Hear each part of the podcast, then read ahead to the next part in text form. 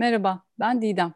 Anadolu'nun şifacı kadınlarını konuk ettiğim podcast'in bu haftaki konuğu Aslınur Akdeniz Brehmer.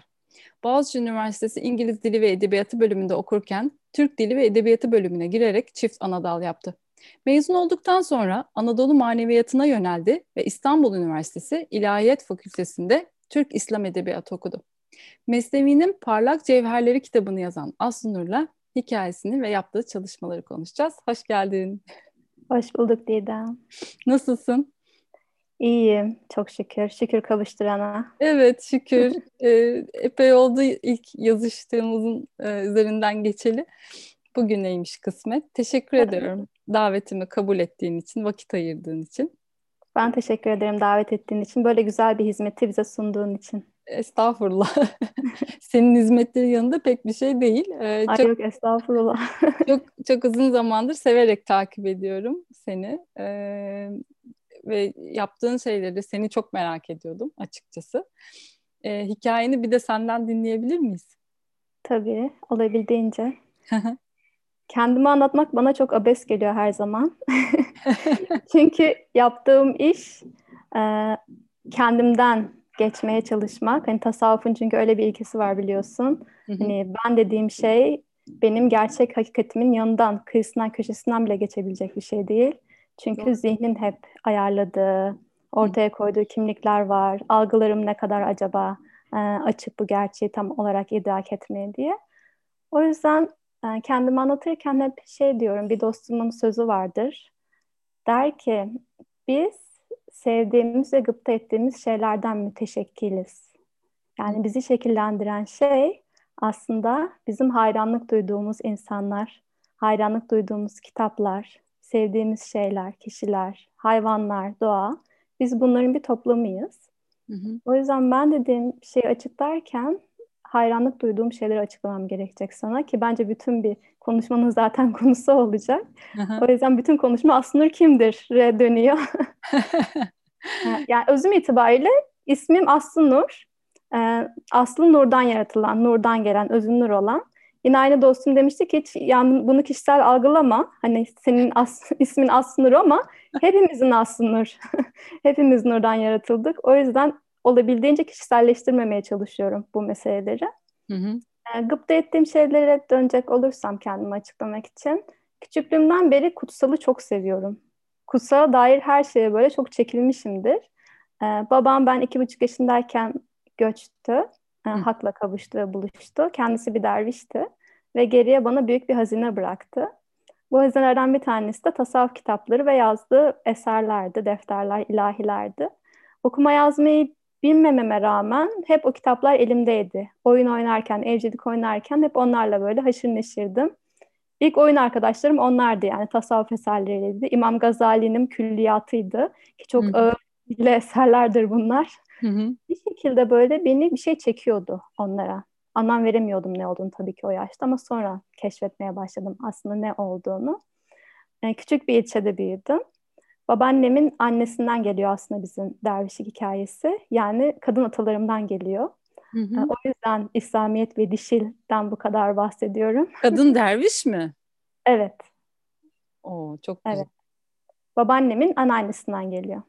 Hı hı.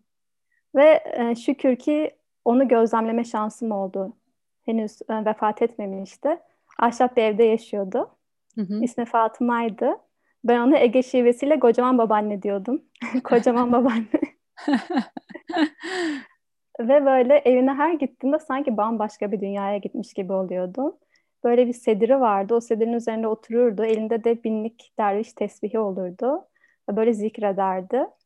Ee, ve bir tane de konsolu vardı. Konsolun üzerinde de evliyaların resimleri, duvarda Hazreti Ali'nin resmi vardı Zülfikar Kılıcı ile birlikte.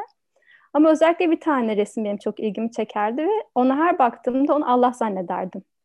İlk Allah imajım o evliyanın resmidir. Kimdi o evliya?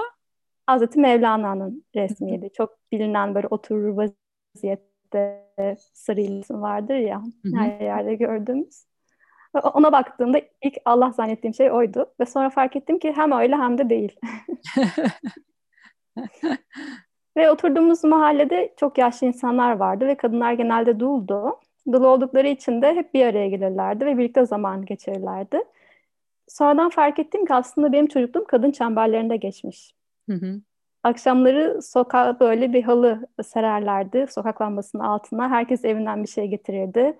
Akşam simitçiler sokaktan geçerdi. Böyle o sıcak simidi alırdık, birlikte yerdik. İşte örgüler getirilirdi, el işleri getirilirdi. Böyle o kadın hissiyatı, o kadınların bir araya gelip bir şey paylaşmaları. Yani çok küçük sudan sebepler olsa bile aslında ne kadar büyük şeyler e, yaratıyor her Hı-hı. birimiz için. Onu çocukken ben almışım bir şekilde fark etmeden. Sonradan kadın çemberleri konseptiyle tanışınca dedim ki ne kadar şanslıymışım aslında. Ve dua günleri için de toplanırlardı. Böyle nohutlarla yani zikir çekerlerdi. Bir dua söylerlerdi. O nohudu böyle tabağın içine atarlardı. Yani o nohudun taba tab tabağa düşme sesi hala kulaklarımdadır. Aslında her şey hazırlanmış, sahne hazırlanmış benim için. Ama evet. biraz daha büyük idrake çıkması gerekmiş. E zaten boşuna seçmemişsindir o anne babayı da sen.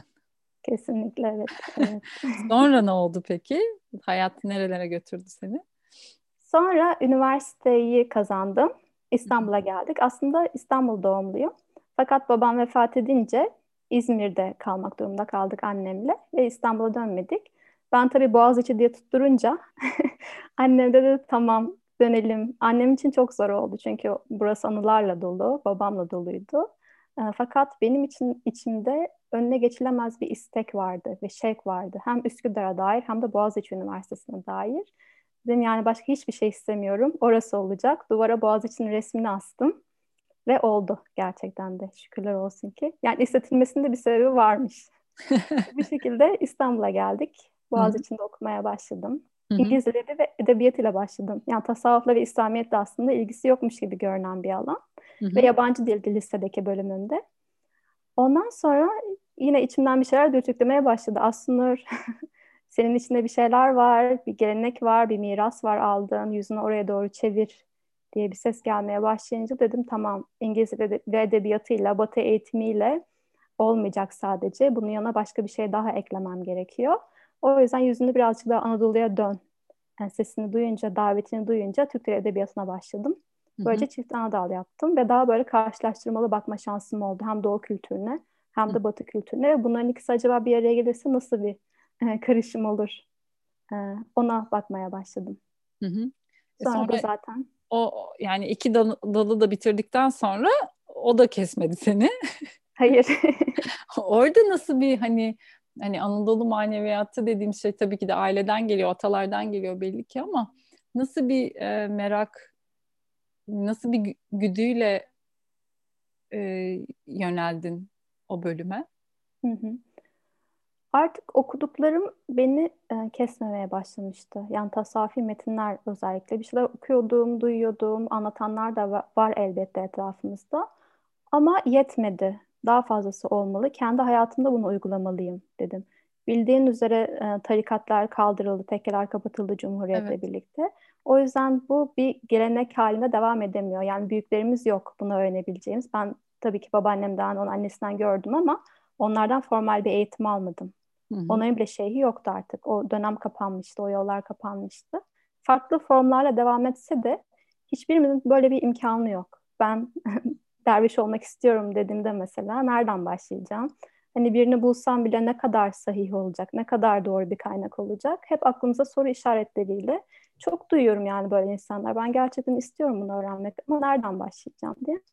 Ben avantajlı olmama rağmen yine kendimi çok e, kayıp hissettim. Uzun yıllar böyleydi.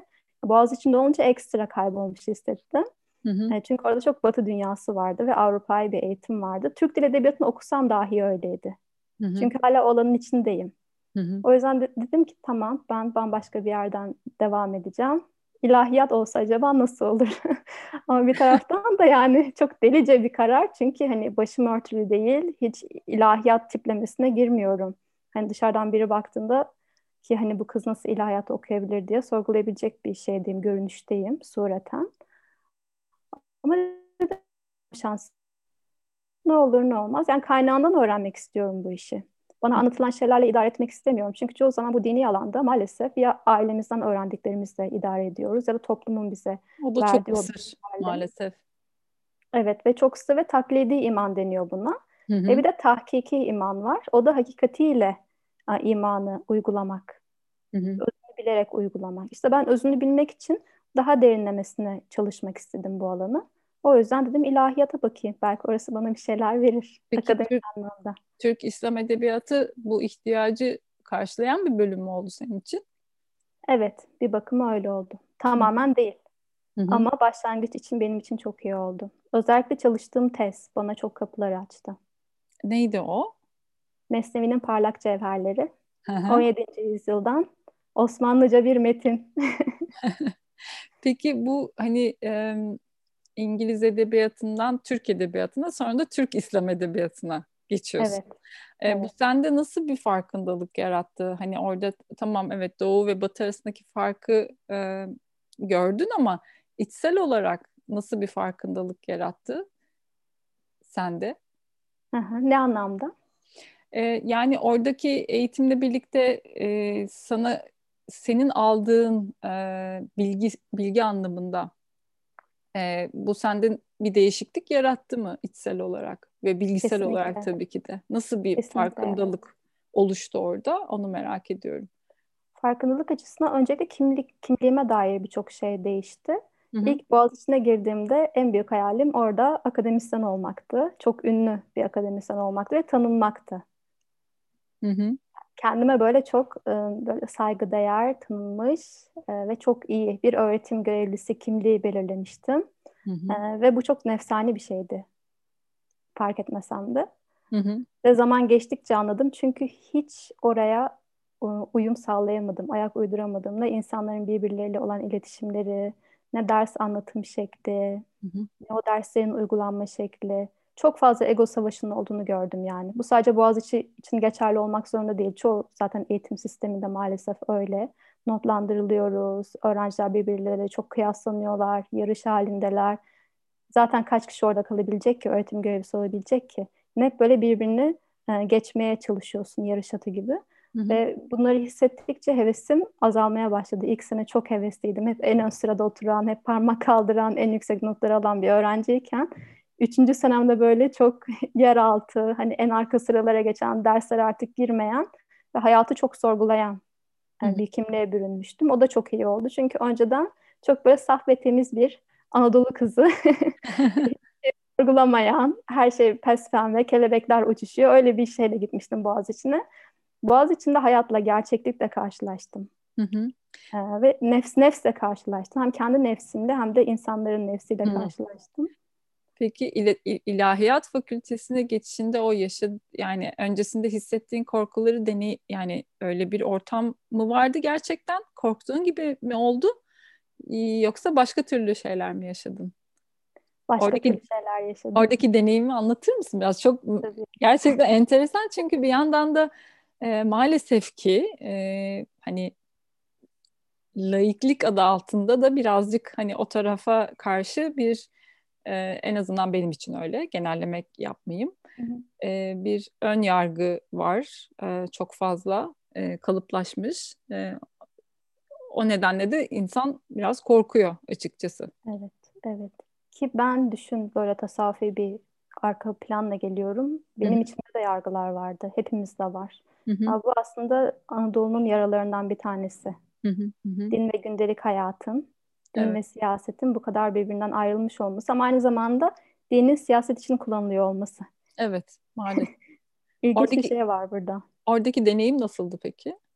Oradaki deneyim çok şaşırtıcıydı benim için. İlk böyle çok ürkek bir şekilde girdim. Hı hı. Ne ne hiç bilmiyordum beni. Ve böyle şey yabancılaşmış bir haldeydim. Ve iki dünya arasındaydım.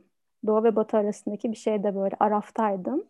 Tam birleştirmek istiyorum ama henüz o doğuya, ilahiyata çok şey değilim, e, aşina değilim. Girdim bölüme ve başı örtülü olmayan tek kadın bendim. Ve hocalarımın hepsi erkekti. Hı hı. Ve benimle iletişim kurma tarzları Boğaz içindeki hocalarımla iletişim kurma tarzından çok çok değişikti. Yani afalladım. Mesela bana hitap ederlerdi. Müthiş bir aile ortamı. Sanki böyle amcamla oturup konuşuyormuşum gibi ya da abimle oturup konuşuyormuşum gibi bir aile ortamı vardı. Ee, ve ne zaman odalarına gitsem hemen işte çay söylerler. Bir şeker varsa bir şey varsa ikram ederler. Halimi hatırımı sorarlar. Müthiş bir tevazu yani o İslamiyet'in getirdiği o tevazu ve kulluk halini e, o eğitim sistemine yedirmiş halde. Tabii ki ben bizim bölümden e, bahsediyorum. Diğer bölümler nasıl ilahiyatta bilmiyorum ama ben çok şanslıydım hocalarımdan yana. Böyle masaların altında hep seccadeleri dururdu. E, ve namaz vakti geldiğinde işte namaza giderlerdi. O sürekli beş vakit bir hatırlayış olduğu için orada ne kadar nefsine düşsen de ne kadar hocalık rolüne bürünse de nefsin orada bir hatırlayıp tekrar geliyorsun ya nefes alıp geliyorsun o seni hizalıyor. Onu çok net hissettim. Hı hı. Ve e, çok zor zamanlardan geçtim. İlk oraya girdiğimde para kazanmam gerekiyordu. Ailemi geçindirmem gerekiyordu. Ve Haliç Üniversitesi'nde araştırma görevine başladım. Amerikan kültürü ve edebiyatı. yine aynı şey. Yine Doğu ve Batı arasında bir aslında Araf'ta olan, birleştirmeye çalışan. Ve iki tarafı idare etmem gerekiyordu. Bana o kadar kolaylık gösterdiler ki derslere giremediğim zamanlarda olsun kardeşim evden yaz bize getir hiç önemli değil. Bazen kiramı ödeyecek param olmadı aralarında topladılar verdiler.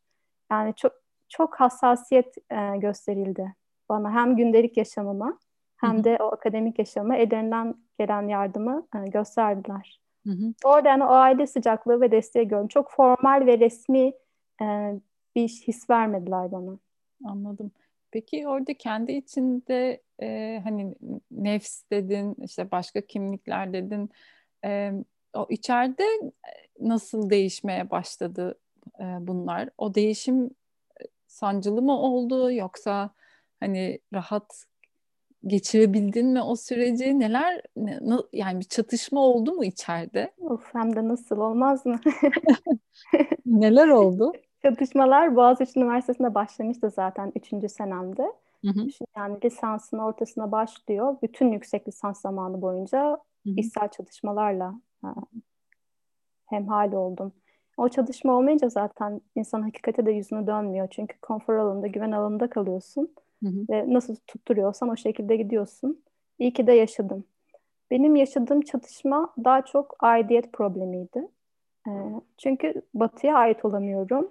Çünkü oradan gelmiyorum. Tamam çok seviyorum İngiliz yazarlarını, okuduğum şeyleri falan takdir ediyorum. Ama olmuyor yani. Şimdi bir şey böyle yüzde yüz emin olamıyor oradan. Hı. İlahiyata geliyorum. İlahiyata da kendimi yüzde yüz ait hissedemiyorum. Çünkü tamam hocalarım çok iyiler, okutulan alanlar güzel ama yaşayamıyorum. Hayatıma geçiremiyorum. Sadece metinde kalıyor. Ki metin, metini bile yüzde yüz anlayamıyorum. Düşün 17. yüzyıldan Osmanlıca bir metin verdi bana hocam. Hı hı. Abdullah Efendi isimli bir zat yazıyor bunu. Hı hı. Ee, Mesnevi'nin şerhini yazıyor yani yorumunu yazıyor. Ve bana geliyor bu metin. Bakıyorum Osmanlıca öğrendim Boğaziçi'nde Türk Dili Edebiyatı'nı öğretiyorlar. Öğrendim ama Osmanlıca'nın da seviyeleri var. Ha. Sarı Abdullah Efendi o kadar güzel böyle edebi süslü bir dil kullanmış ki imkanı yok anlamanın. Baktım böyle ilk gördüğümü hatırlıyorum metni. Müthiş bir yabancılaşma ve acı içine düştüm. Allah'ım ben ne yaptım? Niye kabul ettim bu metni? Yani ne haddime böyle bir şeyle çalışmak. Hı hı. Ve orada şeyi fark ettim. Büyük bir şey kaybetmişiz. Sadece hı hı. ben değil ama kolektif olarak hani Anadolu Hikmeti dedim ya. Hı hı hı. Anadolu Hikmeti'nin kaybolmasının da farklı seviyeleri var. Ve ilk seviyesi dil boyutu.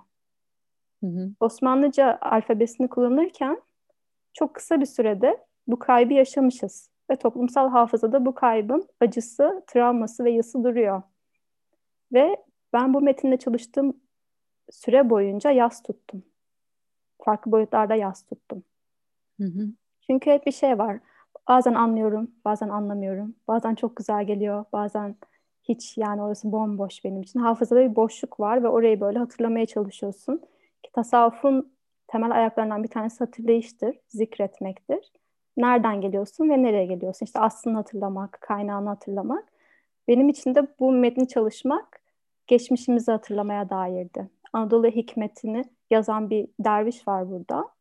Ama ben o metinle, o hikmetle acaba ne kadar bağlantı halindeyim? Ve ne kadarını bugüne kazandırabiliyorum? Hı-hı. Ne kadarını gün yüzüne çıkartabiliyorum? Ve çıkartamadıklarım da oldu. Hı-hı. Ona da evet bu kadar kaybedilmiş. Onun da hani kapanmasına izin vermek. Acaba günümüzün ruhuyla o e, get, buraya getiremediğim yerleri başka türlü nasıl anlatabilirim? Başka türlü nasıl uyarlayabilirim? bunun sancılarıyla geçti. Mesleğinin parlak cevherlerini evet. Sadece dilde de kalmadı. Hani Osmanlıcadan transkribe ettim, latinize ettim. Okuduğumda yine anlamadım. Çünkü çok kavram vardı. Çok tasafi kavram var. O tasafi kavramları ben bir büyüğüm olmadan, bana anlatacak ehli olmadan nasıl anlayabilirim? Hı hı. Çünkü bu usta çırak ilişkisi. Doğru. O in, inisiyasyon ilişkisi kopmuş, o kurumlar kopmuş. O yüzden her şeyi tek başıma yapmak zorunda kaldım. İyi ki de öyle oldu. Bu şekilde hep böyle gönlüme danışmanın, o gönlümden o unutulan e, bilgiyi devşirmenin nasıl bir şey olduğunu keşfettim. Peki e, yüksek lisans için hani mesnevi üzerine çalışmak e, sende nasıl bir şifa e, açtı ve hani burada çalışırken kendinle ilgili neler fark ettin? E, hangi yaralarını fark ettin? Hangi gölge taraflarını fark ettin? Mesnevi'nin ilk 18 beyti neyin hikayesi? Çoğumuz biliyoruz zaten orayı. Boğaziçi'ndeyken lisans tezi olarak bunu seçmiştim kendime. İngiliz romantikleriyle e, Mesnevi'nin ilk 18 beytini karşılaştırmıştım. Hı hı. Doğu ve Batı yine onları bir araya getirme çabasıyla. Sonra yüksek lisansta amacım İslamiyet ve kadın çalışmaktı. Fakat süremiz kısıtlı olduğundan ve çok kaynağa ulaşamadığımdan o kısıtlı sürede ve tez danışmanı da değiştiğinden ve yeni gelen de işte bu 17. yüzyıldan Metin'le geldiğinden dedim ki yani vardır bunda bir hayır. Nedir hocam? Dedi ki mesleğin ilk 18'ini sana vermek istiyorum. Dedim tamam yani bur burada bir işaret olmalı. Burada benim derinleşmem gerekiyor diye aldım. Ve gerçekten de öyle oldu. Bana büyük şifa oldu. Çünkü neyin hikayesi? Tam bir ayrılık hikayesi. Hmm. Dinle neyden, nelerden şikayet eder? Ayrılıklardan hikaye eder. Hı hı ve kamışlıktan kesilme hikayesini anlatır. Kamışlık dediğimiz yer aslında bizim özümüz, aslımız, ruhlar alemi, hepimizin geldiği yer. Hı hı. Fakat ne oluyor? Kamışlıktan kesiliyoruz ve bu dünyaya geliyoruz. Dört, dört unsura, bedene bürünüyoruz. Bedene büründüğümüz anda o ruhlar aleminde verdiğimiz sözü hem kendimize verdiğimiz hem de o kutsal olana verdiğimiz sözü, o aşk sözünü unutuyoruz. Unuttuğumuz için de acı çekiyoruz. Onu bir şekilde telafi etmeye çalışıyoruz başka aşklarla başka meşgullerle ve işlerle. Ama olmadıkça bir yerden patlak verdikçe yine aynı şekilde o yas haline, acı haline geri dönüyoruz. Ben de kendi hikayemi çok buldum neyin üzerinde. Metin de az önce söylediğim gibi hani metinde kaybettiğim şeyleri, ayrılığa düştüğüm o Anadolu hikmetini daha derinden hissetmeye başladım. Ben bu topraklarda yaşıyorum ve atalarım da bu topraktan geliyor ve onun geleneğiyle büyümüşler şükürler olsun ki. Ama bana gelmemiş, bana ulaşmamış ve ben istiyorum oraya bağlanmak. Çünkü biliyorum ki Anadolu hikmet geleneği bana aslımı hatırlatacak, özümü hatırlatacak ve bunun için gerekli araç gereçlerin hepsi var. Zaten duruyor orada hazır. Ama ne olmuş? Üzerine bir perde örtülmüş. Ve ben sürekli o perdeleri böyle açmaya çalıştıkça, e, imkansızlıklarla da yüzleştikçe o neye gibi böyle sürekli feryat figan ettim. Bazen çok isyan ettim dedim. Neden böyle bir metni seçtim? Neden Sürekli her şeyin zorunu seçiyorum kolayı varken. İşte Boğaz içinde kalsaydın, orada araştırma görevlisi olsaydın ne kadar güzel olurdu. Ama yani işte o içimdeki özlem ve hasret, kendini bilme, hakikati bilme hasreti ve özlemi beni hep böyle şeylere, alanlara getirdi. Hı hı. Gölge tarafım ne olabilir? Yani Allah çalışırken böyle... fark ettiğin hani e, ya da işte yar, bir yaran olabilir hani içsel olarak tabii ki de. E... Yaran bu dünyaya en başından beri. Ve bence bu gölge taraf. bu dünyayı değersizleştirmek, bedeni değersizleştirmek, özellikle bir kadınsan eğer, hı hı. E, bu da bence hem toplumdan aldığımız hem de ailemizden öğrendiğimiz bir kod. Hı hı. E, kadın bedeninde olmak ve o beden yerine ruhun tercih edilmesi, yeryüzü yerine gökyüzünün tercih edilmesi, madde yerine mananın tercih edilmesi gibi bir anlayış vardı bende. Ve çok iyi hatırlıyorum bazen kendimi böyle odama kapatırdım ve kimseyle görüşmek istemezdim. Zaten hiç değeri yok. Hani ben ruha kavuşmak istiyorum, göğe yükselmek istiyorum gibi böyle o zamanlarım çok oldu karanlık sorgulama zamanlarında. Ama sonra fark ettim ki işte bu metinleri çalışa çalışa fark ettim. Ee, İslamiyet sırat-ı müstakim, orta yol. Hem maddeyi hem de manayı bir araya getirme yolu. Hem İseviliği hem de Museviliği bir araya getirme yolu. Sen sadece ruhu seçersen Hazreti İsa boyutunda kalıyorsun. Saf sevgi ve saf şefkat boyutunda kalıyorsun. Ama bu dünyaya bir yararın olmuyor ya da bu dünyanın keyfini çıkartamıyorsun, zevkini çıkartamıyorsun. E, Musevi olursan bu sefer sadece yeryüzünde kalıyorsun. Sadece bedende yasalarda ve kurallarda kalıyorsun. Bu sefer her şeyin kabuğunu görüyorsun ve kabuğunda kalıyorsun o ceviz gibi. İçini bu sefer tadamıyorsun, özünü göremiyorsun. Hani Muhammedilik demek bu ikisini bir araya getirmek ve bunu tevazuyla ve kulluk bilinciyle bir basit bir insan olarak yapmak. Bir pazar yerinde bile o ilahi hatırlayışla bunu gerçekleştirmek. O yüzden benim yolculuğumda bedenimi kabul, kadınlığımı kabul, dişiliğim üzerine çalışmak çok e, kilit nokta. E, ve o gölge işte o bedeni istememe gölgesiyle e, çalıştığım yer o kadın çemberleriydi. Hı hı. Barıştın mı peki sonunda? Şükürler olsun. Daha iyi olduğumu söyleyebilirim. Tam çok... barıştığını kim söyleyebilir ki? yani en azından eskiye nazaran. Eskiye nazaran çok çok daha iyiyim şükür. şükür. Ee, İslamiyet ve tasavvufa dişil bir bakış açısı e, katıyorsun. E, bunu biraz açabilir misin? Hı hı. Bu tam ne demek? Evet. Dişil deyince insanlar aklına hep cinsiyet geliyor ya. Maalesef evet. evet. Öyle bir şey değil. Değil. dişil ve eril, dişil ve eril hepimizin içinde olan unsurlar. Hı hı. Ve bunun İslamcası Rahman ve Rahim. Hı hı. Ben Bismillahirrahmanirrahim dediğimde her işime bununla başladığımda aslında şunu demek istiyorum. Hem dişil unsurlarla hem de eril unsurlarla hem benim varlığımda hem de bütün varlıklarda işleyen Allah'ın ismiyle başlarım. Dediğimde aslında o unsurları kendimde aktive etmiş oluyorum. Aktive etmek ne demek? Onları bilince çıkarmak demek. Hı hı. Her şey burada saklı aslında. Kelime-i şehadette de öyle. La ilahe illallah'ta da öyle kelime-i tevhidde. La ilahe illallah. Mesela bunu dişli ve eril prensiplerle çok güzel anlatabiliriz. Mesela anlatır mısın? Tabii. e, dişillik dediğimizde aklımıza ne geliyor? E, doğa ana geliyor değil mi? Hı hı. Toprak geliyor, evet. bedenimiz geliyor, rahim geliyor. Rahimin o alıcılığı, karanlığı, bilinmezliği, kendine spermi cezbedişi, çekişi, davet eden oluşu, ilham veren oluşu, tesir altına giren oluşu. Hı hı.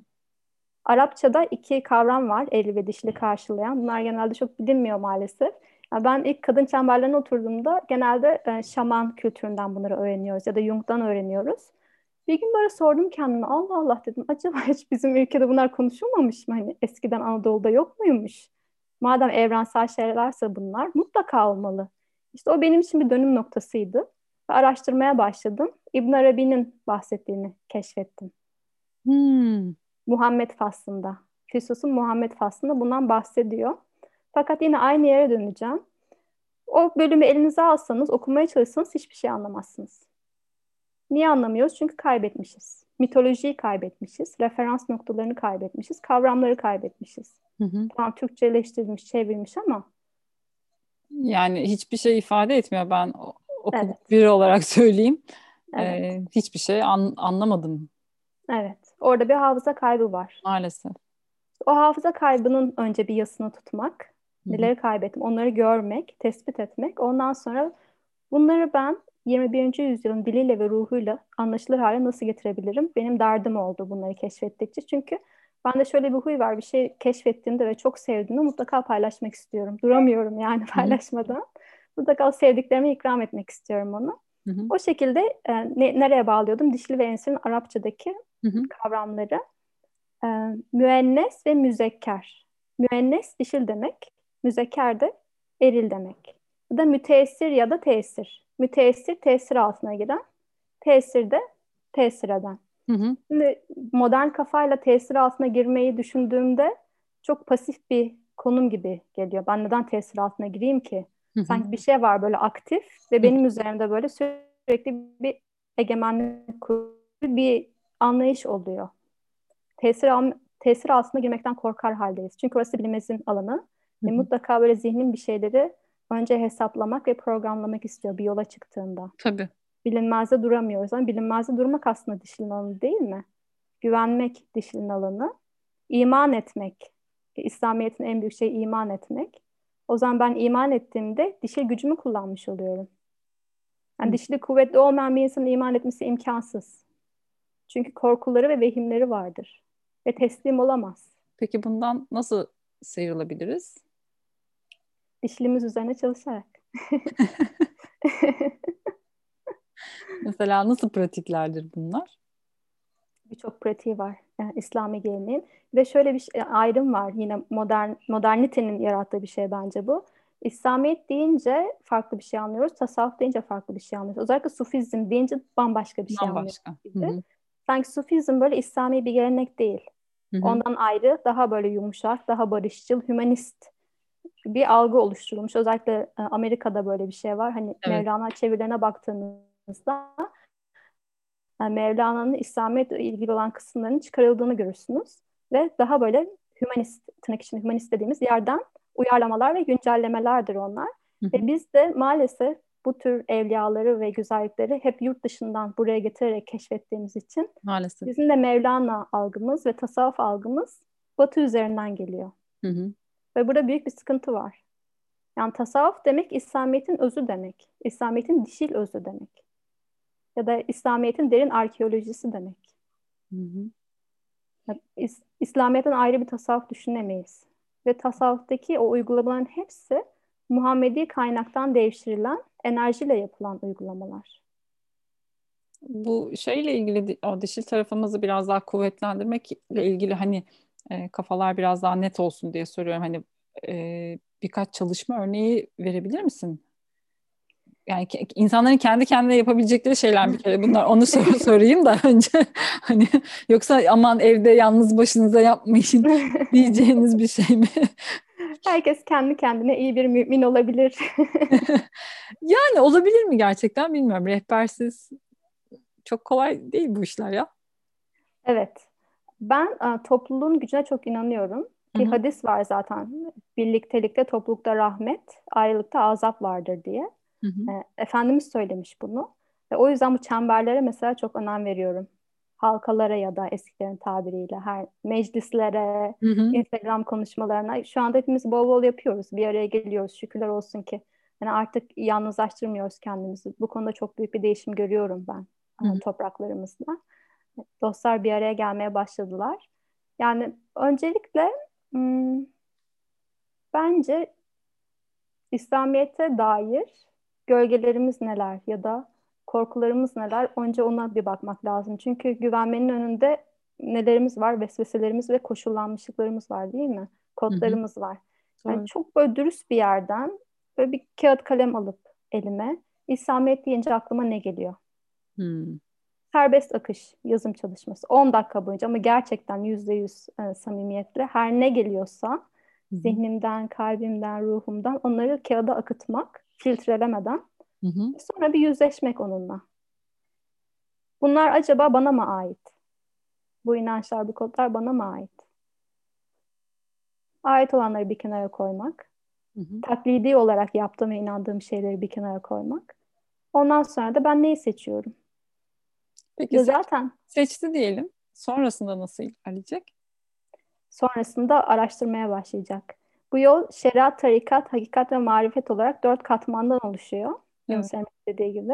Hı hı. Ee, şeriat kısmıyla başlamak gerekiyor. Ceviz örneğini veriyorum ben bunda hep. Cevizin dışında bir kabuğu vardır ve o kabuk özünü ve manayı korur.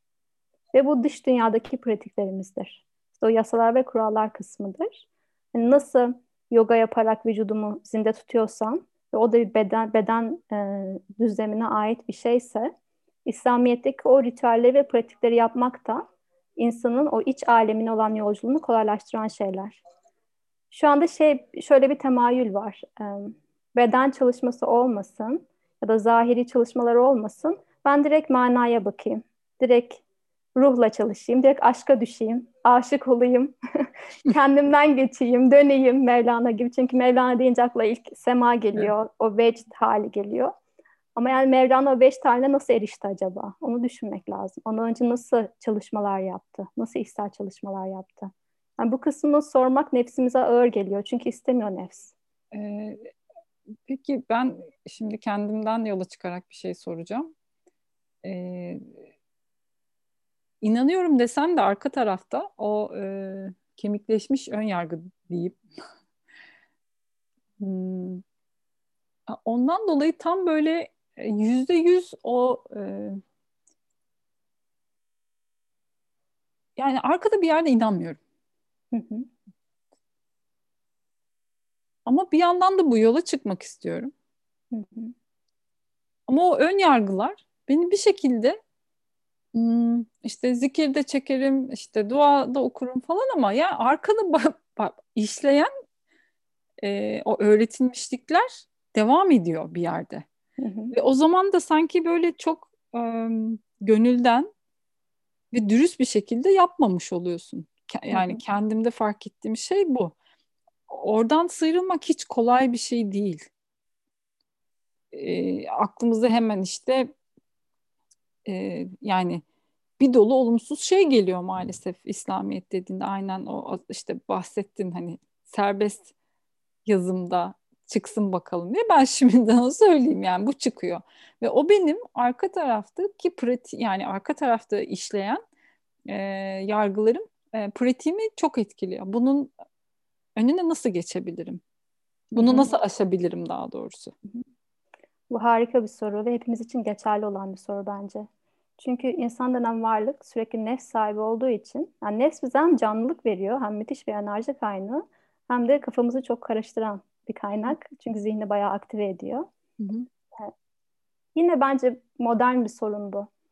Bir şeyi böyle dört dörtlük olarak hayal etmek, çok idealist davranmak. Hani bir pratiğe başlamak için bu İslami bir pratik olmak zorunda da değil. Yoga da meditasyon da olabilir. Ona başlamak için öncelikle alıcı hale gelmem gerekiyor. Öncelikle kalbimi bir tam emin huzura erdirmem gerekiyor. Ya da sınavlara çalışmak için önce odamı bir toparlamam, temizlemem gerekiyor. o bitmiyor o işler. bitmez, bitmez. Çünkü onların hepsi birer manipülasyon. Hı hı. Seni durdurmaya çalışıyor, sabote ediyor işte çok mükemmellik arzusu. Bu arada onu e, bunu söylememe rağmen devam ediyorum, etmiyor değilim ama e, içten içe de bu ikiyüzlülüğüme sinir oluyorum. Hı hı. O yüzden evet evet evet evet o yüzden tövbe kapısı çok önemli İslamiyet'te. Hmm. Hani nefsin yedi mertebesi var ya. Hı önce hı. emreden nefis var. Sürekli seni böyle bir şeyler yapmaya itiyor senin iradenin dışında ve sen hı. o emrin irad emrin e, idaresi altında yaşıyorsun. Sonra ne oluyor? Bu pratikleri yaptıkça, yaptıkça, yetişkin bilincine eriştikçe o sorumluluk duygusuyla ve o adamlıkla birlikte kendini disipline ettiğinde ama bu şey gibi değil böyle kendini yargılayıp işte kırbaçla sürekli vurup beş vakit namazını kılmalısın yoksa cehenneme gideceksin gibi bir yerden değil de hani gerçekten Yok zaten öyle öyle yetiştik yani ve İslam öyle öğrendi o yüzden. maalesef maalesef. Hani şeriat önemli diyoruz ama şeriatı bile iyi anlatamamışlar. Hani şu anda İslamiyet evet. şeriattan ibaret kalmış ama keşke şeriatı bari iyi anlayabilseydik. Orası da yok. Orası da yok. Ve Hı. insanlar çok korkuyorlar bu çok. ibadetlere başlamaya. Çünkü başlarsam ne olacak? Hani e, irademi mi kaybetmiş olacağım? Özgür Hı. irademi bir ilahın eline vereceğim. Çünkü ilah Hı. imajı da öyle bir imaj ki gökte böyle elinde cetveliyle duran ve erkek Hı. genelde erkek cinsiyeti. Erkek doğru. Bir varlık böyle hadi hemen bir günah işlese de yazsam cezalandırsam diyen bir imaj e, koyulmuş ne yazık ki. Halbuki tasavvufa baktığında diyor ki her şey zaten hakkın tecellisi, hakkın açılımı. Haktan başka bir şey yok. Sen de hakkın bir açılımısın. O yüzden zaten ben diyemezsin. Hı. Yoksa şey demek değil. Sen çok bensizsin, işte kıymetsizsin, değersizsin. Hiçbir varlığın yok. Kendini sil gibi bir şey değil. Sen çok değerli bir varlıksın. Çünkü içinde ilahi öz ve potansiyel var ve hakkı tam anlamıyla açığa çıkartacak ve yansıtacak bir alan haline gelebilirsin. Bir mekan haline gelebilirsin. Bunun da ilk başlangıç yeri kurallar ve pratikler. Çünkü saflaştırmak gerekiyor. Hem bu bedeni saflaştırmak, hazır hale getirmek gerekiyor. Hani dişiliğe bağlandı yine konu. Hı hı. Dişi ne demek? Alıcı olan demek değil mi? Ama şu anda ne kadar alıcıyız acaba? Bir metin okuduğumuzda, birini dinlediğimizde, derin dinlemeden bahsederiz çemberde. Ne kadar zor geliyor. Bir beş dakika sonra hemen böyle bir yere doğru gitmeye başlıyoruz. Genel olarak bir şeye konsantre olmak çok zor son yıllarda. Yani hemen hemen herkesten de duyuyorum ben bunu evet. maalesef. Yani bir şeye odaklanıp da onu sonuna kadar e, yürütmek, yapma konusunda herkesin bayağı bir sıkıntısı var. Evet. dişillikten evet. geliyor. Evet. Yani dişil enerjinin e, düşüklüğü mü diyeyim ne diyeyim bilmiyorum doğru bir şey mi? ya da bunu kullanmamamızdan. Bilmiyoruz şekilde, ki. Algılarımızın dişil şekilde eğitilmemiş Hı. olmasından dolayı. Ya da perdelenmesinden dolayı işte medyayla izlediğimiz o televizyonla hmm, maruz falan. Duyularımız sürekli bir bombardıman halinde ve hmm. çoğunda farkına varmıyoruz ne aldığımızı içimize ve doluyoruz. O kadar doluyuz ki yeni bir şey koymaya, yeni bir şey almaya mecalimiz kalmamış. Çok ağır hissediyoruz kendimizi ki şu şu dönemde herkes bir şey söylüyor, herkes bir şey anlatıyor ve yetişemediğimde bu sefer kendimi eksik hissediyorum, geride kalmış hissediyorum. Böyle bir dönemde yeni bir bilgiye kendimi açmak acaba nasıl mümkün olurdu değil mi? Evet. O yüzden kendime göre şu anda keşfettiğim şey şu. Sen bir yol seç. Hani açık büfe var şu anda önümüzde. Müthiş şeyler sergileniyor. Ve ne oluyor ben bir, bir şey seçiyorum. İşime gelmeyince diğerine geçiyorum. İşime gelmeyince diğerine geçiyorum falan. Bu müthiş bir çeşitlilik sağlıyor. Eyvallah çok güzel. Ama aynı zamanda derinleşme imkanımı da elimden alıyor. Hı hı. Alıcılık imkanımı da elimden alıyor. O yüzden seç bir yol. Orada derinleş. Ve kendini ona aç. Derinleşmek için, kendini açmak için de o odağını oraya vermek gerekiyor. Odağımı oraya verdiğimde bu sefer çok fazla diğer yerlere kendimi açmamış oluyorum. Orada içimde bir yer açmış oluyorum ona otomatik olarak. Peki, Dikkatimi verdiğimde. Aslında bir şey soracağım. daha önce benim için de geçerli bir soru bu ama Yine e, arkadaşlarımla konuştuğumda da hani e, benzer bir sıkıntı var. İnsanlar ne yapacağını bilmiyor. Ve bunun e, çok ciddi acısını çekiyorlar. Yani ne istediğimi bilmiyorum. Hani istemediğini biliyor kısmen de olsa ama ne istediğini bilmiyor. Ve bu çok çok müthiş bir acı. Çünkü hani ruh, belli ki orada ruh başka bir şey sana söylemeye çalışıyor aslında. Ama ne söylediğini de anlayamıyorsun. Evet. Ve e, o ortada kalmak, kararsızlık hali e, müthiş bir ızdırap. İnsanlar yollarını nasıl bul- bulmalılar? Yani nasıl bulacaklar kendileri için doğru olanı? Hı hı. Yani bununla ilgili bir hani şeyin var mı? E, kendi yaşadıklarından ve tecrübenden hı hı. yola çıkarak. Hı hı. Yine tasavvufi bağlamdan konuşacağım. Hı hı. Farklı tabii, gelenekler, tabii. farklı cevaplar verirler. Hı hı. Ee, ben ne istiyorum? Ben bu dünyaya niye geldim? Sorusu bile aslında nefsten gelen bir soru. Hı hı. Yani problem aslında sorunun kendisinde yatıyor. Hı.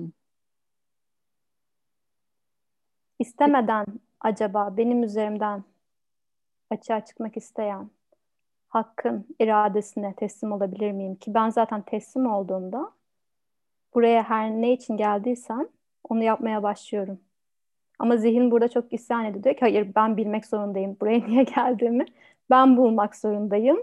Ona göre planlar yapacağım. Hayatımı ona göre idame ettireceğim. Hesaplayacağım. İşime geliyor mu gelmiyor mu? Ona göre izin vereceğim.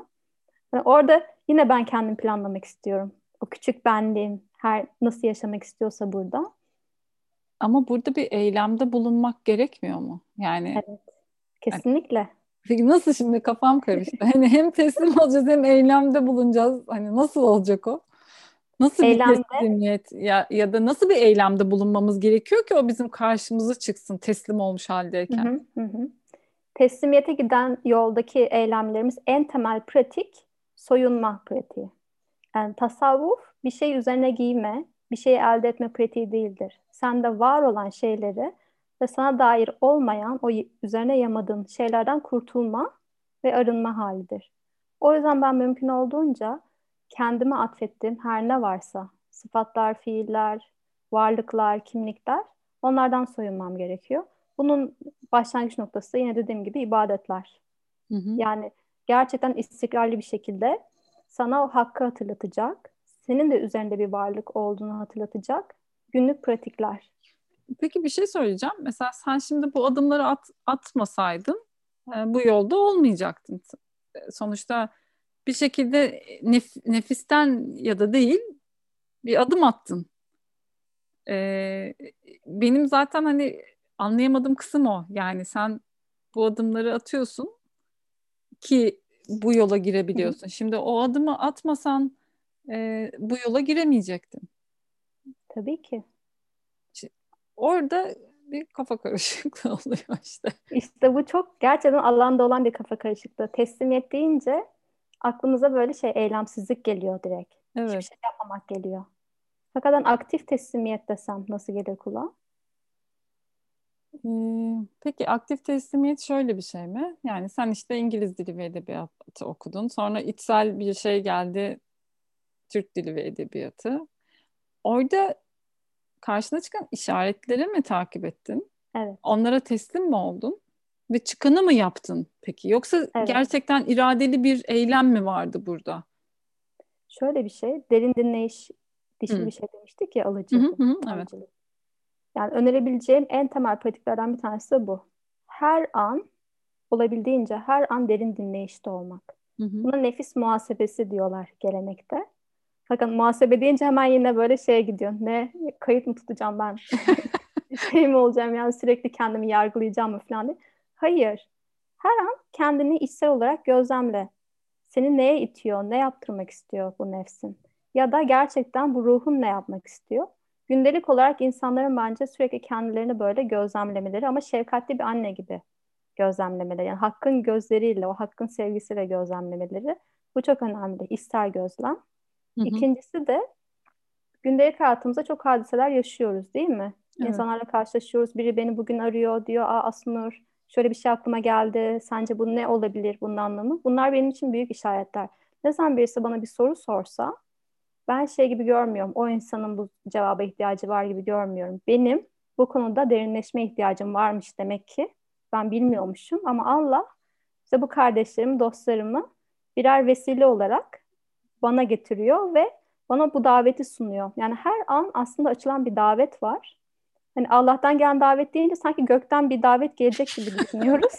o yüzden zorlaşıyor zihnimize. Gerçekten öyle. Hani derin dinleyiş çok böyle kocaman büyük harflerle zor bir pratik. Evet. Ne diyeceğim ki hani şu anda kimse konuşmuyor falan. Ya ben genelde şöyle oluyorum. Ben bir şey duy- duymuyorum ki diye böyle hani o da kendimi biraz kötü hissetmeme sebep oluyor maalesef. Evet, ve kıymetsizleştiriyor insanı evet, işte. Kesinlikle Halbuki öyle. insan çok kıymetli bir varlık. Ve aşağılık psikolojisine ge- geçiyoruz orada ve o, o kompleks... Zaten çok yatkınız yani hani kendimizi. Evet. Hepimiz. Çünkü o şekilde yetiştirildik. Evet, Komplekslerle maalesef. yetiştirildik ve kompleksli bir insanın dini ve maneviyatı hakkıyla yaşaması zor. Gerçekten zor. Yani kaldıramıyor çünkü o maneviyatın getirdiği o pratikleri, adanmışlığı, o yetişkinliği altında eziliyor. Altında ezilince de bu sefer şey oluyor. Allah'ım ben ne yapacağım? Hani olmuyor böyle ama başka türlüsü de olmuyor. Böyle bir arada kalmışlık yine bilinmezlik. Yani o yüzden derin dinleme ha şey diyecektim. Yani Allah böyle bizimle gökten konuşmuyor. Allah bizimle her şey üzerinden konuşuyor. Bak bu çok güzel bir pratik mesela hepimizin yapabileceği ve benim evet. yapmaya gayret ettim. Hı-hı. Ve duyuyorsun Didem. Gerçekten duy beni duyuyorsun şu anda. Evet. Ben Allah'tan gayrı bir varlık değilim. Doğru. Bahçeye çıktığında kuşları duyuyorsun, içinden yükselen ilhamları duyuyorsun, arkadaşlarını du- duyuyorsun. Bir kitap okurken bir cümle mesela çok böyle gönlüne dokunuyor, onu duyuyorsun. Onların hepsi birer davet. Ve ben o davetleri acaba uygulayabilir miyim? Hı hı. Hayatımda güvenerek, güvenmek bu. Davete güvenmek. Davete güvenmek. Ee, burada bir kafa karışıklığım daha var. Hmm, ben de senin gibi hep e, bunu düşünüyorum ve e, cevaplarımı böyle almaya çalışıyorum açıkçası. Ama öyle bir şeyi tecrübe ettim ki orada benim bir kafam karıştı. O da şu, benim e, gerçekleşmesini ya da daha doğrusu gerçekleştirmek istediğim bir hayalim vardı. E, ama bundan işte emin değildim. Hani nefse mi düşüyorum vesaire gibi böyle bir sürü soru işaretleri. Ve sonra bununla ilgili bir cevap aldım ben. Çok güzel, heyecanlandım. Tamam dedim, mesaj alındı. Ama sonra şuna düştüm. Ya bu mesaj ben bunu bu kadar istediğim için geldiyse yani onu ben çağırdımsa hani anlatabildim mi? Yani e, hani bir şey çok istersen, bir şey çok düşünürsen olur ya. Acaba o hesap mı? Bu gerçekten benim cevabım mıydı diye böyle bir e, maalesef ki şüpheye düştüm. Ve o istediğim şeyden uzaklaştım. E, hem korktuğum için hem de tereddütte kaldığım için. Ve güvenmediğim için tabii ki de. e, bunun ayrımını ben Seni şüpheye düşüren parça hangisiydi peki? Yani o gerçekten benim cevabım mıydı? Bana iletilen, evet bak bu düşündüğün şey doğru bir şey, bunu yapmalısın gibi bir cevap mıydı gerçekten? Ee, vesile olan kişi bana hani bu mesajı getiren kişi bunu mu söylüyordu? Yoksa hani bu kişinin bunu söylemesine ben mi sebep oldum? Yani benim isteğim ve arzum mu karşıma çıkarttı bu cevabı? Hı hı. Dolayısıyla o cevabın hani hani Allah'ın bir mesajı olarak mı yorumlamalıyım yoksa hayır bunu ben yarattım. Yani ben yarattım derken orada şey yanlış anlaşılmasın da hani e, kendi düşünce gücümle e, ben mi bu cevabın gelmesine neden oldum? Hı hı. Yani kendi düşünce gücümüz dediğimiz şey de aslında Allah'ın bir sıfatı. Düşünme, hı. görme, duyma. Bütün bu Allah'ın sıfatları bizim üzerimizden işliyor ve o şekilde hayatta kalıyoruz.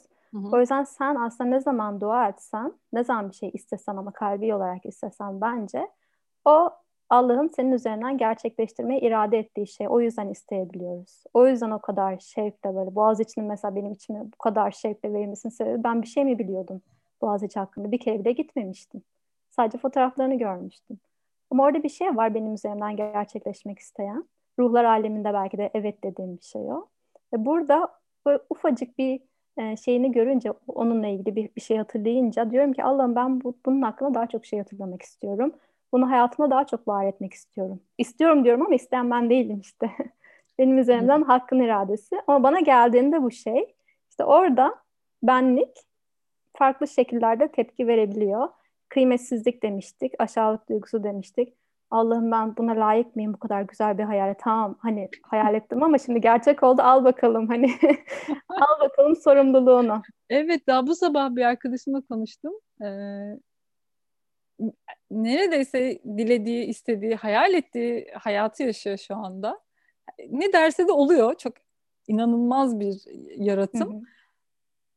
Ve aynen senin dediğin şeye düş, düşmüş vaziyette. Evet. Bir şeyler hani bir şeyler ters yani hani ne, neden böyle deyip hani kendine oradan bir şey çıkarmaya çalışıyor. Yani bir problem yaratmaya çalışıyor o kadar güzelliğin içinde. Hani o kadar kendimizi e, sabote etmeye alışmışız ki hani evet. ben bunu hak etmiyorum hani evet. ben hep işte rezil olayım işte hep başarısız olayım e, zor bir hayatım olsun orada debeleneyim durayım evet gibi bir şey orada çok doğru söylüyorsun evet Evet. Ve bir ayet var. Biz bu ilahi emaneti göklere, yerlere, dağlara e, teklif ettik. Onlar korktular, istemediler ama insan buna evet dedi. Bu kısım çok güzel. Kulağa çok hoş geliyor ama ondan sonra diyor ki insan ne kadar zalimdir ve cahildir. İlk okuduğumda şok olmuştum. Nasıl ya o kadar büyük bir ilahi emanete evet demişiz. Daha ne yapalım hani. Ya neden unutuyoruz peki bu kadar? Neden Hı? unutuyoruz? Neden unutuyoruz ve hatırlaması neden bu kadar zor? Çünkü dört unsura bürünmüş haldeyiz. Cismani alemdeyiz. Hı hı. Cismani alem her zaman alem her zaman latif aleme üstün durumda perdeliyor bizi. Hı hı. Ve unutuşa düşüyoruz. Yani normal şeyleri bile unutuyoruz. Yani zihnimize tutamıyoruz. Dedik algılarımız bombardıman halinde diye. Dikkat eksikliğimiz var. Yani böyle bir hayatımızın merkezine bir şey koyamıyoruz. Hı hı. Hakkıyla bir şey koysam çok küçük bir şey de olabilir. Her gün çiçeğimi sulamak olabilir mesela. Bu bir ibadet. Yapabiliyor muyum? Küçücük gibi gördüğüm şeyi. Hmm.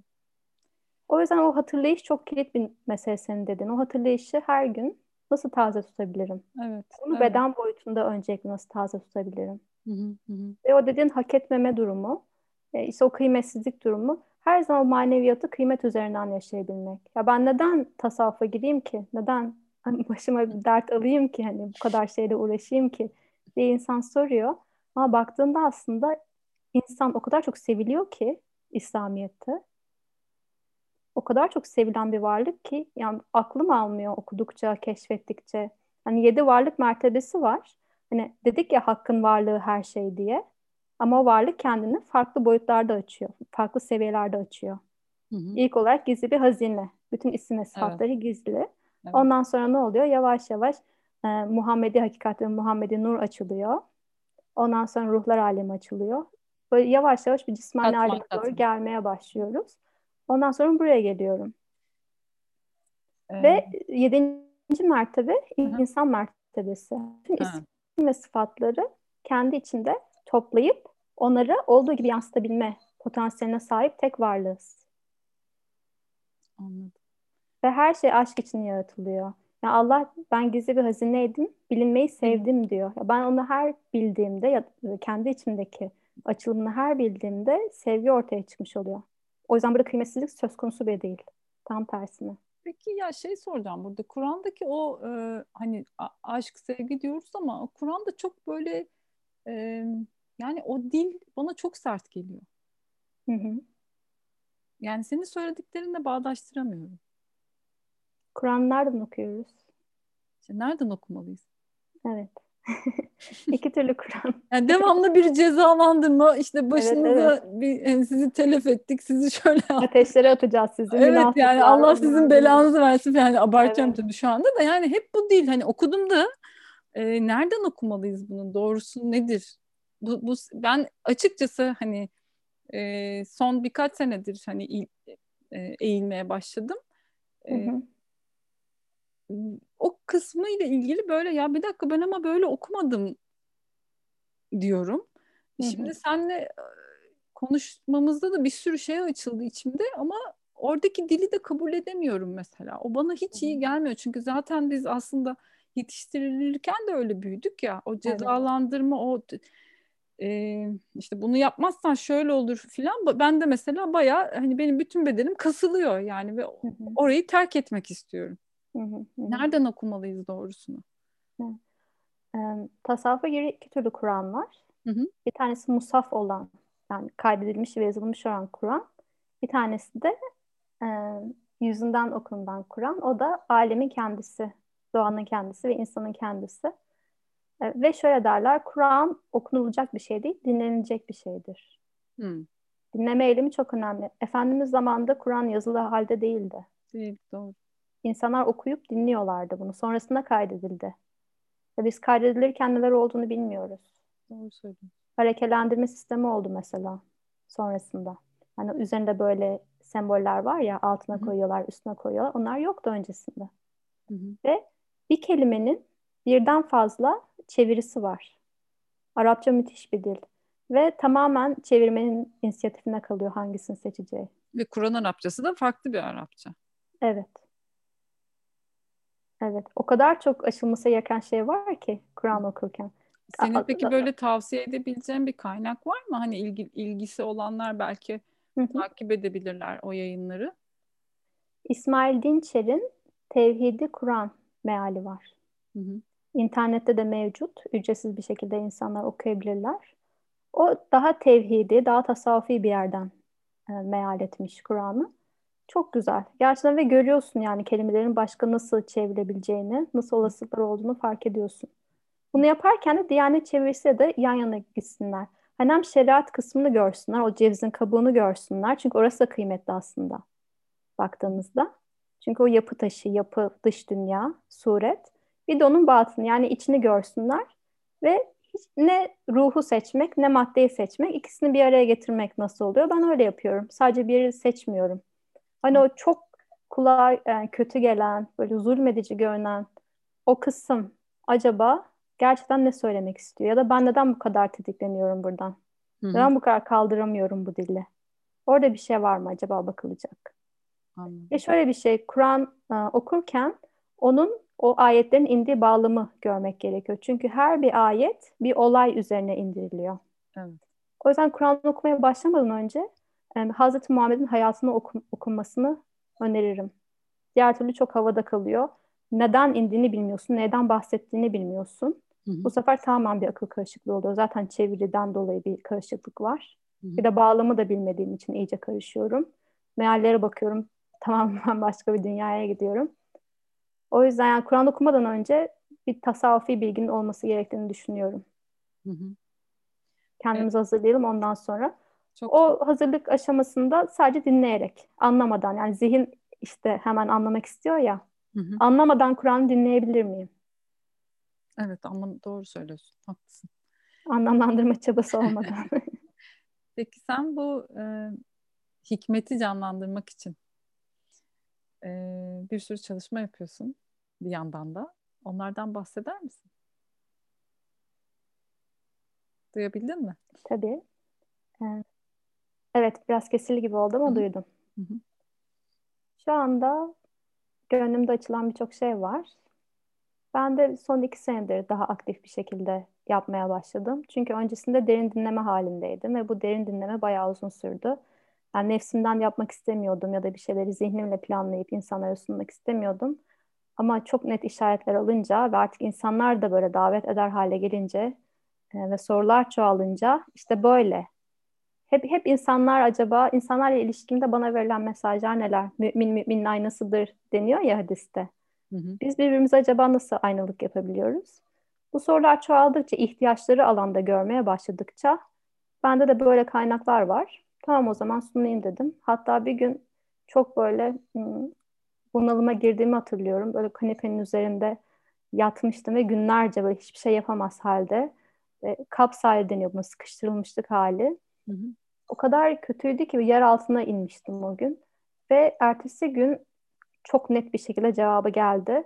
Aslında sana yıllardır bir sürü şey veriyoruz. Hem ailenden gelen bir sürü şey var hem ilahiyattan. Yani hiç esirgemedim senden bu bilgimi. Ama sen ne yaptın? Bunları aldın, biriktirdin, biriktirdin, biriktirdin, biriktirdin. İhtiyacı olmayan insan, ihtiyacı olanlara vermedin. Bekleyenlere vermedin, sunmadın. Bak insanlar hala orada talep ediyorlar. Sen neden bekliyorsun hala? Neden duruyorsun? Komşu hakkı diye bir şey var.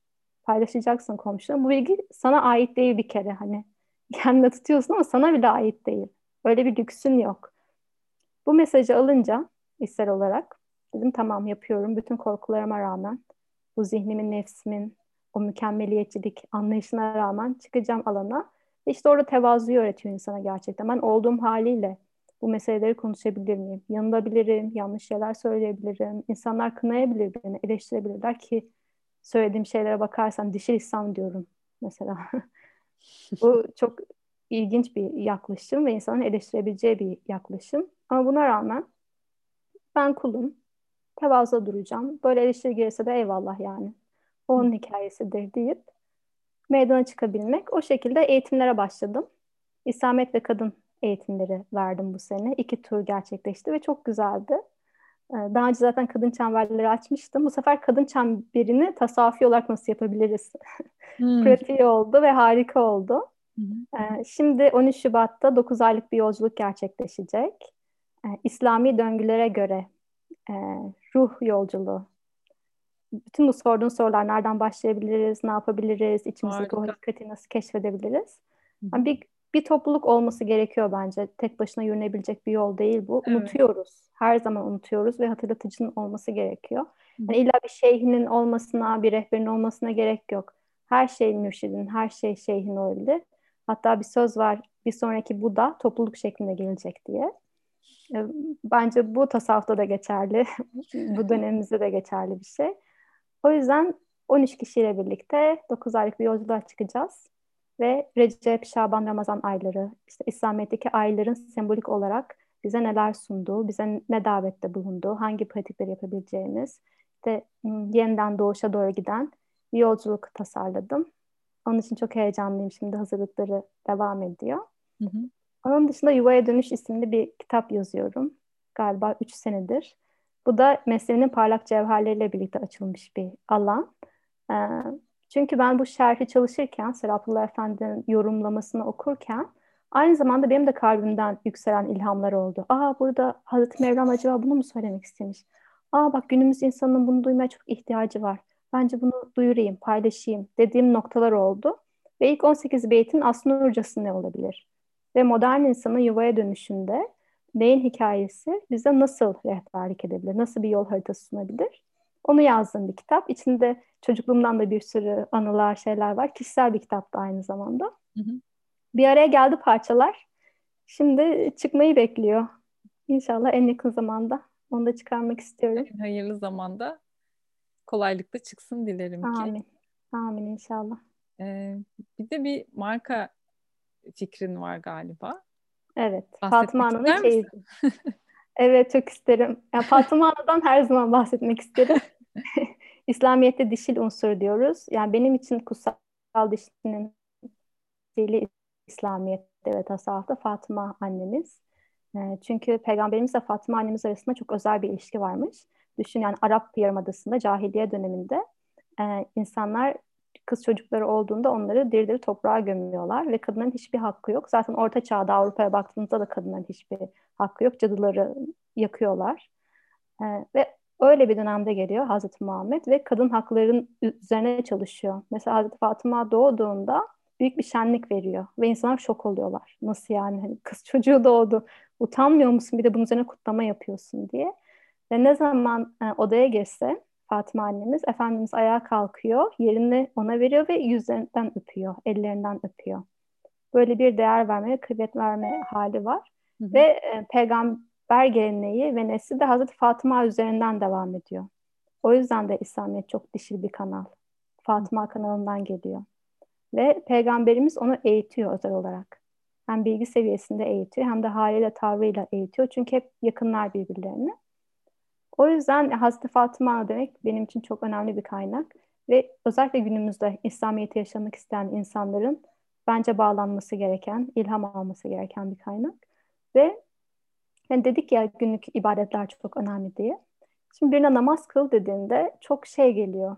Bana da öyle geliyor köhnemiş bir pratik. Hani eski anneannelerimizin, babaannelerimizin, dedelerimizin yaptığı bir pratik. Ya da camide namaz kılanlar gözümüzde. bir de bu kadar koşturmanın içinde çok gerçek Aynen. değil şu anda pratik olarak uygulamak. Evet, evet. Halbuki topladığında bir yarım saat bile etmiyor. Zihnin yine böyle bir şey büyütmesi ve önüne koyması Doğru. hikayesi. Yani çocukluğumdan biliyorum üzerimize giydiğimiz kıyafetler ve eski etekler, başörtüleri, anneannemin artık kullanmadığı başörtüleri. Yani namaz deyince insan aklına şey gelmiyor. Gerçek sevgiliyle buluşma anı. Bir randevuya gider gibi hazırlanmıyorsun. En evet. eski kıyafetlerine yapıyorsun ve geçiştiriyorsun. Burada çok büyük bir problem var. Ve bu problemin çözümü İslamiyet'i ve özellikle ibadetleri daha dişil, daha sanatsal, daha şiirsel ve estetik bir yerden yaşamaya çalışmak. Gerçekten ben sevgilimle buluşuyorum. Zaten hep onunla birlikteyim ama bu ibadetler hatırlayışımı bir nebze canlandırıyor ve taze, tazeliyor benim için. O yüzden Fatıma'nın çeyizi markasıyla e, güzel ibadet objeleri tasarlamak istiyorum. Böyle estetik seccadeler, üzerimize giyeceğimiz güzel kıyafetler, başımıza koyacağımız güzel şeyler. Erkekleri yani, de yapacak mısın? Erkekleri evet. de yapacak Evet evet. Erkeklere de özel kıyafetler ve şapkalar falan böyle erkek kadın ayırmadan Aha. oruç zamanında orucumuzu açarken böyle güzel kaseler hayal ediyorum. İçinde böyle e, oruçla ilgili cümlelerin, hadislerin, ayetlerin yazıldığı, abdestimizi alırken kullanacağımız havlular. Böyle bir derviş çeyizi yapmak istiyorum insanlara. Yolu açık olsun. Falan. İnşallah. Çünkü bir kültürü dönüştürmek istiyorsan sembollerini değiştirmek zorundasın ilk etapta. Hı hı. Onu da inşallah Fatıma Hanım'ın eliyle, onun dişil gücüyle yapmak istiyorum. Bir yandan da eşimle birlikte Anar Journeys isimli manevi yolculuklar gerçekleştiriyoruz. Özellikle yurt dışından gelen dostlarımız oldu. Galiba 3-4 kere yaptık. Anadolu'nun önemli hikmet e, merkezlerine gidiyoruz, türbelerine gidiyoruz, doğalı, doğaya da gidiyoruz. İlla böyle bir yapı olmak zorunda değil. Hı hı. O da güzel bir hatırlayış yolculuğu oluyor hepimiz için. Ve Anadolu hikmeti acaba nedir? Gerçekten hani ne var burada keşfedilmesi gereken? Onları birazcık da olsun derinden dinlediğimiz ve bunu topluluk olarak yaptığımız bir e, yapı oluyor Anar Journeys. Nar yolculukları, Anar nar demek. Onların bereketiyle ve güzelliğiyle. Takip edebilecekleri bir web sitesi var mı bu seyahatleri? Evet, anarjourneys.com. Tamam. Sen bu kadar şey öğrenmişsin, pratik etmişsin. Ama böyle zaman zaman işte düştüğün, çaresiz hissettiğin, işte o gölge taraflarının ortaya çıktığı zamanlar oluyor mu? Yoksa hani hani yüzde yüz çözmüş olmak diye bir şey var mı? Yoksa o, yoksa o dalgalanma, inişler, çıkışlar hep devam edecek? Her zaman. Ve iyi ki. İyi ki, iyi ki dalgalanmalar var. İyi ki. Diğer türlü çünkü ben oldum deyip insan yerine otururdu ve hiçbir şekilde o daimi öğrenciliğin getirecek. Peki o dalgalanmalardan e, nasıl geçmeyi, içinden çıkmayı başarıyorsun? Yine nefs muhasebesi, gözlem. Hı hı. Gözlem ve derin dinleyiş. Bir günde birçok kez dalgalan biliyorum. Böyle tetiklen şeyleri artık aşağı yukarı biliyorum. Ne, nelerin beni e, kızdırabileceğini. O olayın içine girmeden önce diyorum ki aslında bak burası hassas bir nokta. Biliyorsun Hı-hı. daha önce yaşamıştın. İşte geçmişten ders almak da var bunun içinde. Birazcık daha e, farkındalıklı olarak şuurla girebilir misin bunun içine? Kaçmaktan ziyade. Çünkü kaçmayı da tercih edebiliyoruz bazen. Hı-hı. Ama birazcık da iteklemek kendini şefkatle. Ve onun içinde dururken çok o benliğine ve nefsine alan tutmadan hani orada seni hmm, seni o orada dura, dururken kolaylaştıracak, senin o tecrübeni kolaylaştıracak her ne varsa ona tutunmak. Bilmiyorum anlatabildim mi? Evet. Yani bir Allah'ın ismini tekrarlamaksa eğer çok zor bir görüşmedi belki karşındaki insan hiç sevmediğin bir insanda bir akraba bile olabilir. Ve konuşman gerekiyordur, bir şey çözmen gerekiyordur. Yani onun yanına giderken içinden böyle Allah'ım hani bu insan da beni tetikleyen insan da aslında senin bir açılımın. İşte senin evet yani o o çok zor oluyor aslında. Yani evet, hani evet. onun bir e, Allah'ın da bir tezahürü olduğunu bilmene rağmen böyle içinden her türlü işte öfke, nefreti falan çıkıyor yani. Hani bu da biraz kendini insanı kötü hissettiriyor dürüst olmak gerekirse. Kend, kendimize kötü hissetmeye izin vermiyoruz. Didem. Evet doğru söylüyorsun. Bu da nefsani bir şey. Sanki sürekli böyle mükemmel olmamız gerekiyormuş gibi bir yani şey ben var. de o çok yüksek onu söyleyeyim. Ben hani... Çoğumuzda özellikle kadınlarda çok var. Özellikle kadınlarda çok var. Ve her şeyi dört dörtlük yapmak zorundayım. Ve böyle gölge gölgemi bile dört dörtlük yaşamak zorundayım. yani hakkıyla gö gölgemin içinde şey yapayım falan diye ama yok yani biz kuluz. Hani kul olmayı nefsimize yediremiyoruz. Tevazu olun demiştim ya en başta konuştuğumuz. Hı hı hı. Tevazu yani evet ben düşeceğim. Biliyorum belki de ömrümün sonuna kadar çünkü bu nefs canlı olduğu sürece ben nefsin en üst makamına gelsem bile bir hareket, bir düşünce beni düşürebilir diğer seviyelerine. Ve bu gün içinde olabilir ve tekrar yükselebilirim. Hani o da mümkün. Ha, evet, İnsan olmak öyle öyle bir şey var değil mi? Yükseliyorsun ama düşebiliyorsun falan. Evet. Evet evet. Bu idrak halleri işte düştüğün bir yer yok da aslında çizgisel ha, evet, bir evet. Aynen. Aynen. Daha döngüsel bir şey Ama yani tevazuda olmak. Evet ben kulum ve günah da işleyebilirim. Yanılabilirim. Öfkelenebilirim. Ona izin vermek öncesinde sonra da tövbesini etmek yalnız. yani nefs tövbe etmek istemiyor. Şey yapamıyor çünkü hani yanılıyor ya. Yani mesela sadece Allah'ım tövbe ettim beni affet desen oluyor mu?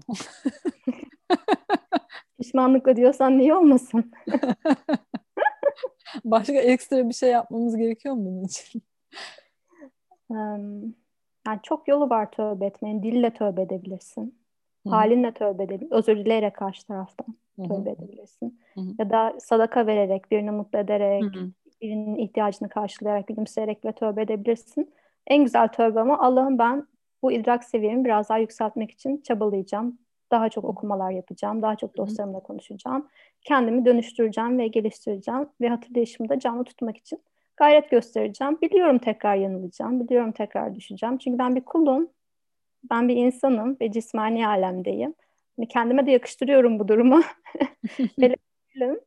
ve ama ne zaman düşersen biliyorum ki sen yine oradasın. Zaten şah damarımdan daha yakınsın. Ben düştüğümde orada olacaksın beni tutmak için. Bunu biliyorum ve buna güveniyorum. Yine teslimiyet ve güven işte burada. Yani Allah bizi terk etmiyor biz günah işlediğimizde, biz düştüğümüzde. Hı hı. Öyle bir şey yok çünkü çok kıymetliyiz yani. Bir annenin çocuğuna duyduğu sevgiden daha çok sevgi duyuyor bize hak. O kadar büyük bir sevgiden bahsediyoruz. Çünkü yaratım gerçekleşmezdi sevgi olmasaydı. Evet. Yarattığına göre, bunları işlettiğine göre var bir sebebi. Hı hı. O yüzden yani o kullukta olmak, tevazuda olmak, tövbe etmeyi bilmek. Dilerim o sevgiyi de idrak ederiz. İnşallah. Ama önce kendimizi sevmemiz gerekiyor. Evet. Tabii tabii. Aynen öyle. Dişil çalışmanın Hı-hı. önemli meselelerinden bir tanesi de bu. Kendini kabul. Evet. Kendine sevgi. Eklemek istediğin Başka bir şey var mı? Yani ben susmam. Çok keyifli geçiyor benim için ama hani. Eklemek istediğim bir şey.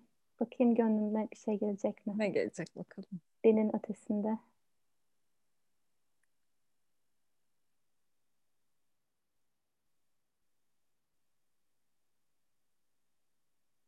Hazreti Rabia'dan bir şey geliyor.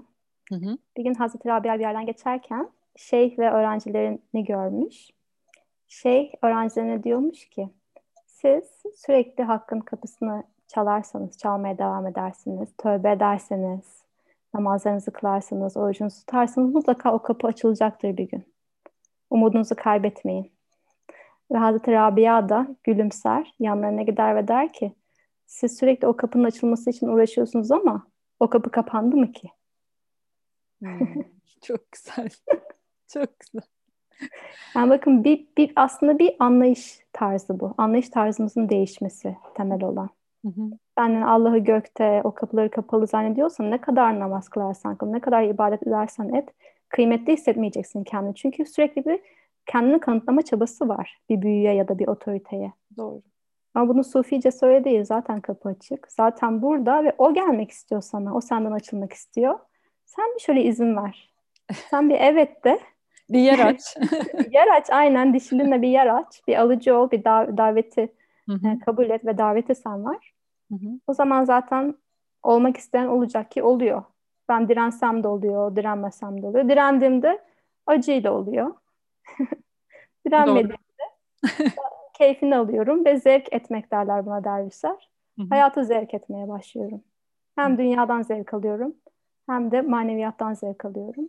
Ve müthiş bir insan modeli ortaya çıkıyor. Hepimize nasip olsun. Bütün isteyenlere, taliplerine nasip olsun. Amin, amin. Çok teşekkürler. Yani çok keyifliydi. Ee, zor zor bitireceğim programı. Gerçekten ilk defa böyle bir şey yaşıyorum şu anda. Devam ederiz. Evet, edelim, edelim. Ee, gerçekten gönülden minnet duyuyorum şu anda. Ben de ben de bunların açığa çıkmasına vesile olduğun için. Yani e, çok gönlümde çok şeyler açtın. E, anlayamadığım birçok şeyi anlamama vesile oldun. Çok sağ ol Aslı'nur. Şükür şükür. Sen sağ ol Didem. Hizmetin daim olsun. Amin hepimizin. Anadolu'da şifalansın bütün şifacı kadınların elinde. Amin. Hizmeti aynı şekilde açığa çıksın. Amin inşallah. Ve siz dinleyenlere de çok teşekkür ediyorum. Ee, umarım sorularınıza bir nebze de olsa cevap olmuştur. Kalbinize dokunmuştur Aslı Nur'un anlattıkları. Bir sonraki podcast'te görüşmek üzere. Hoşçakalın.